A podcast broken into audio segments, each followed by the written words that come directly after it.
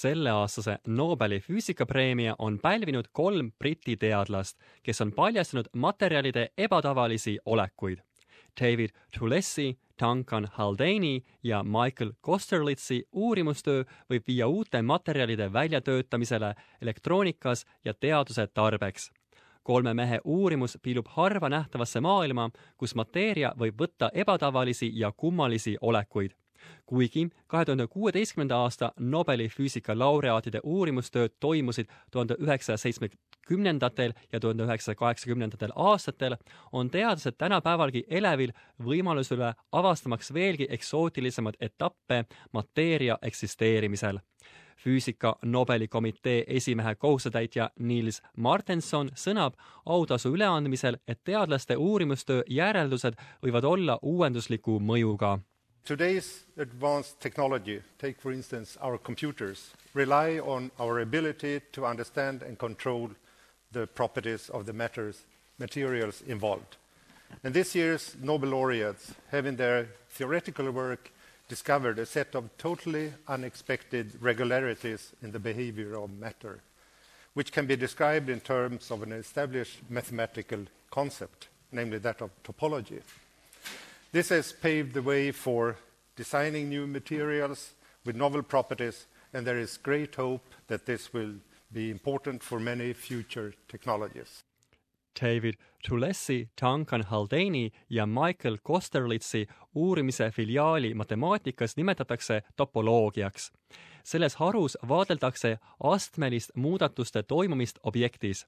materjali olekus esinevaid faase, nagu näiteks vedelikust tahkeks muutumine, on ilmne, kuid paljud teised esinevad faasid on vähem tuntud näiteks tõestasid teadlased, et superjuhtumine võib esineda õhukeste kihtidena. Nad näitasid, et see saab toimuda madalatel temperatuuridel, enne kui see kõrgematel temperatuuridel haihtub.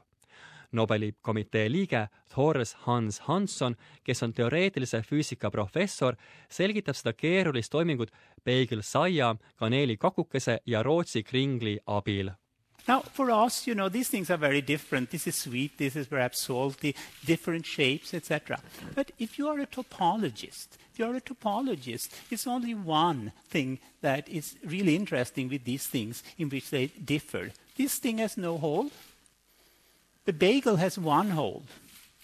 The pretzel has two holes. The number of holes is what the topologist would call a topological invariant.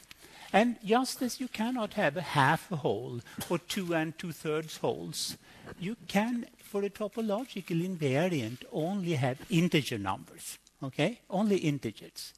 professor Hanson seletab, et näiteks ponšikul ja kohvitassil on sama topoloogiline number, sest neil mõlemil on üks auk. et numbris muutust esile kutsuda, on vaja kasutada radikaalseid meetmeid And another thing which is very important for the following with topological invariance is that it takes something to change the topological number. I take this thing, you see, I can bend it a little bit, compress it, but in order to make it to change number of holes, I have to do something drastic. I have to break it apart. And this stability of the topological invariance is going to be important. Avastusel võib olla ülikiirete kvantarvutite loomisel mõju, sest isoleerides materjali, teeb see võimalikuks elektrivoolu edasikandmise selle pinnasel. teoorias saaks selliste arvutitega salvestada rekordkoguses andmeid ja rekordkiirusel lahendada probleeme, jättes selliselt varju praegu kasutusel olevad tavapärased arvutid. kõik kolm meest, kes jagavad auhinda, töötavad Ameerika Ühendriikide ülikoolides Nad liituvad füüsikamaailma vägevatega nagu Albert Einstein ja Marie Curie.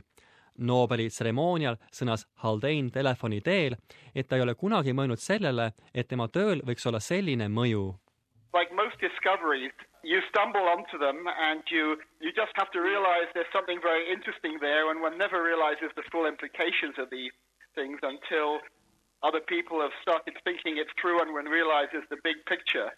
So most of uh, big discoveries are really that way. I think you, at least in, in theoretical things, you don't, you never kind of set out to discover something new. You, you, you stumble on it and you have the luck to recognize what you found is, is, is something very interesting.